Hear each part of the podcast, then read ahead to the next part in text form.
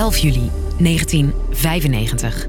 Een gitzwarte dag in de geschiedenis van Bosnië en onlosmakelijk verbonden met Nederland. Als de bevolking wordt aangevallen, dan is het uh, zelf maximaal dekking zoeken en uh, buiten die strijd blijven. Nederlandse VN-soldaten waren in Bosnië om tijdens de oorlog daar moslimvluchtelingen in Srebrenica te beschermen. Dat lukte ze niet. Ruim 8000 mannen en jongens werden geëxecuteerd door Servische militairen. De grootste georganiseerde massamoord sinds de Tweede Wereldoorlog.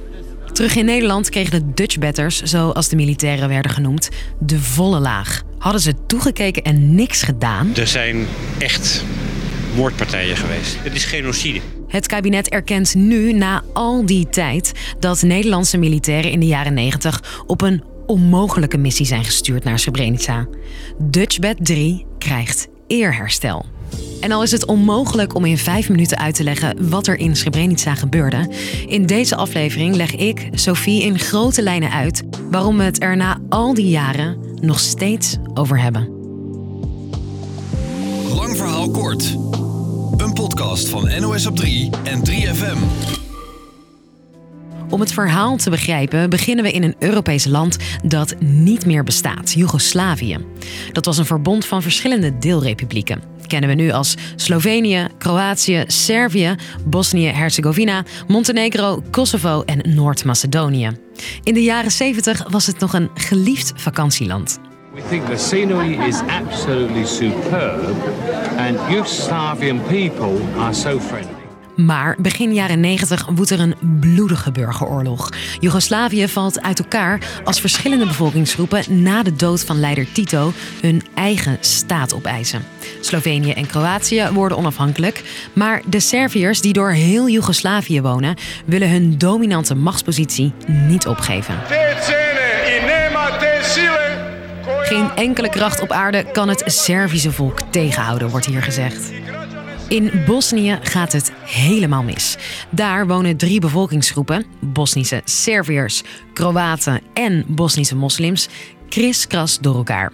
Bosnische Serviërs eisen met veel geweld een eigen republiek op. En voor moslims is geen plaats. Duizenden Bosnische moslims slaan op de vlucht voor de etnische zuiveringen. De Verenigde Naties sturen een vredesmacht die kant op om de moslims te beschermen of the UN forces. Ze creëren zes veilige gebieden. Eén daarvan is Srebrenica, een gebied van zo'n 10 bij 15 kilometer. 40.000 Bosnische moslims vluchten erheen. Plan is dat ze daar beschermd worden door 430 jonge Nederlandse VN-militairen. Dutchbed 3. Ik heb er heel erg zin in. We gaan voor een goed doel, dus is geen probleem. Kijk, in Nederland doe je op de kazernes, dan wil je waszakken rondbrengen. Kijk, daar doe je verder niks. Ze zijn slechts licht bewapend en ze mogen geen geweld gebruiken, alleen om zich te verdedigen. Je hoort hier hun commandant Karamans. Je moet zich realiseren, wij zijn hier niet om oorlog te voeren, dat mogen duidelijk zijn. Daar hebben we de middelen niet voor en daar zijn we eigenlijk ook niet echt voor opgeleid. En ze hebben een backup voor het geval de Bosnisch-Servische generaal Mladic de veilige enclave toch aanvalt. The special representative of the Secretary General. De VN en de NAVO beloven in dat geval te hulp te schieten met luchtaanvallen. NATO close air support will be employed. Maar dat loopt anders. In juli 1995 valt generaal Mladic de enclave binnen. Karamans vraagt meerdere keren luchtsteun aan, maar die komt niet. Zonder luchtsteun maken de Dutchbatters geen schijn van kans de duizenden moslims te beschermen. Je hoort hier oud-Dutchbatter Boudewijn. Hij was als 21-jarige in Srebrenica en dit voelde hij. Ontzettend veel angst. Echt de angst van wij staan hier en wij hebben niks en we kunnen niks. En we wisten hoeveel, hoeveel power en hoeveel militairen de Serven hadden.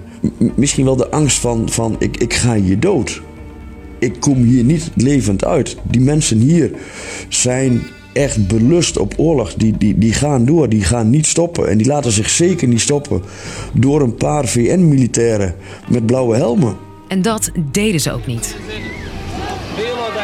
Dit is Mladic. Hij zegt: iedereen wordt weggebracht, klein, groot, oud en jong.